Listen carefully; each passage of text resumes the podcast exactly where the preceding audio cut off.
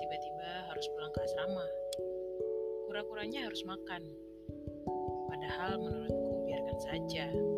Terlambat makan sekali-sekali kan tidak apa-apa. Kalau masih dekat jaraknya dengan asrama, saya turuti. Tapi kalau jauh, saya kontan menolak. Ketika sedang di Enhai menjemput Nala, Sora menepuk keningnya. Kura-kura harus makan, katanya tiba-tiba. Sora lupa beri makan tadi. Ah, Sora kura-kura melulu.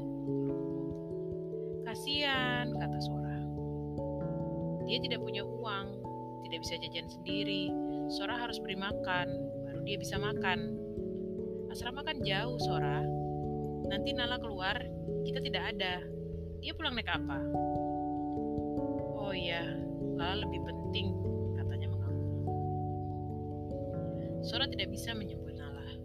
Lidahnya selalu mengeluarkan kata Lala. Saya lega, memang bijaksana.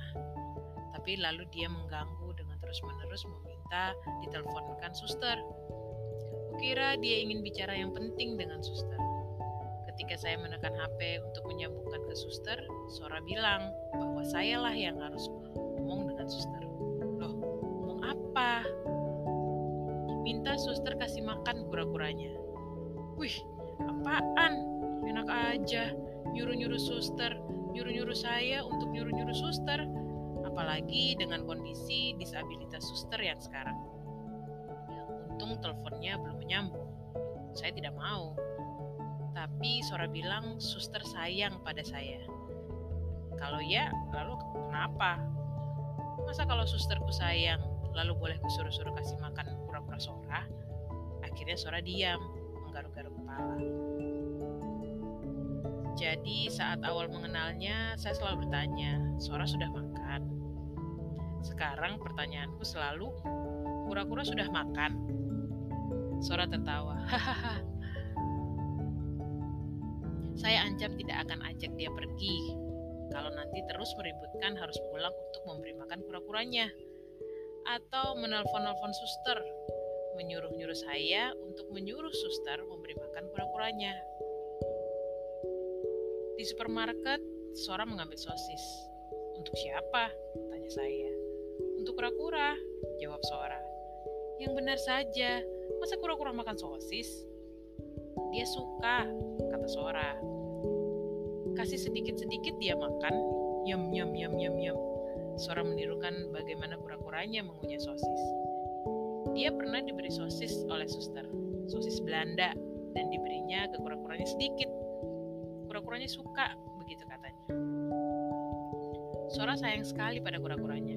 Ada dua ekor, dipelihara dari kecil. Kata Sora menunjukkan jempolnya.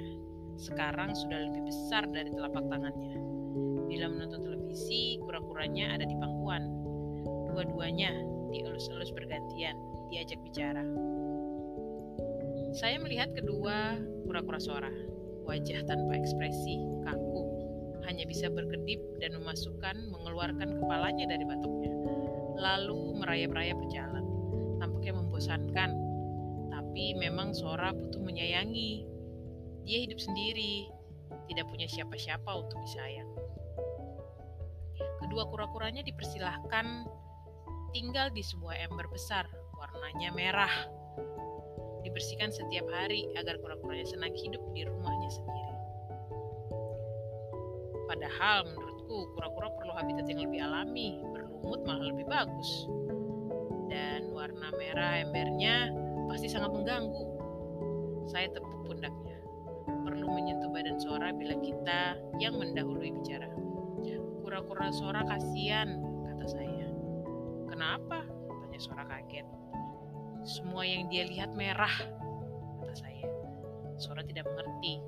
Kalau Sora jadi kura-kura, lalu tinggal di ember itu, semua yang Sora lihat merah.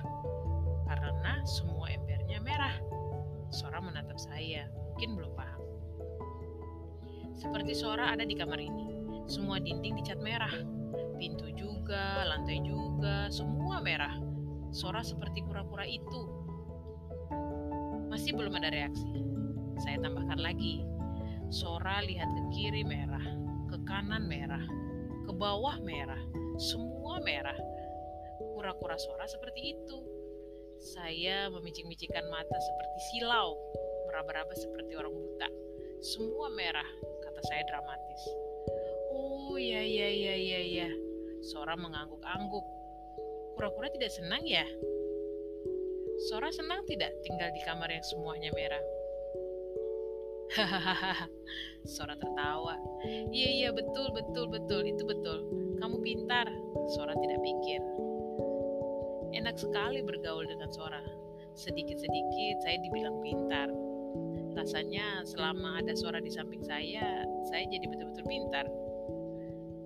Ketika saya datang lagi ke asrama setelah jeda pulang ke Bogor, berpapasan di lorong dengan Sora. Saya langsung ditarik-tarik masuk ke belakang. Dia ingin memperlihatkan ember kura-kuranya.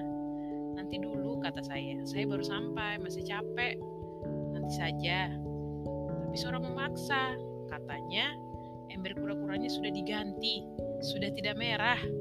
Oh iya? Tanya saya. Iya, kura-kura sudah tidak lagi mata merah, kata Sora. Ya sudah, ikuti saja langkahnya bergegas-gegas ke belakang. Di belakang dengan bangga seorang memperlihatkan ember baru kura-kuranya. Aduh, biru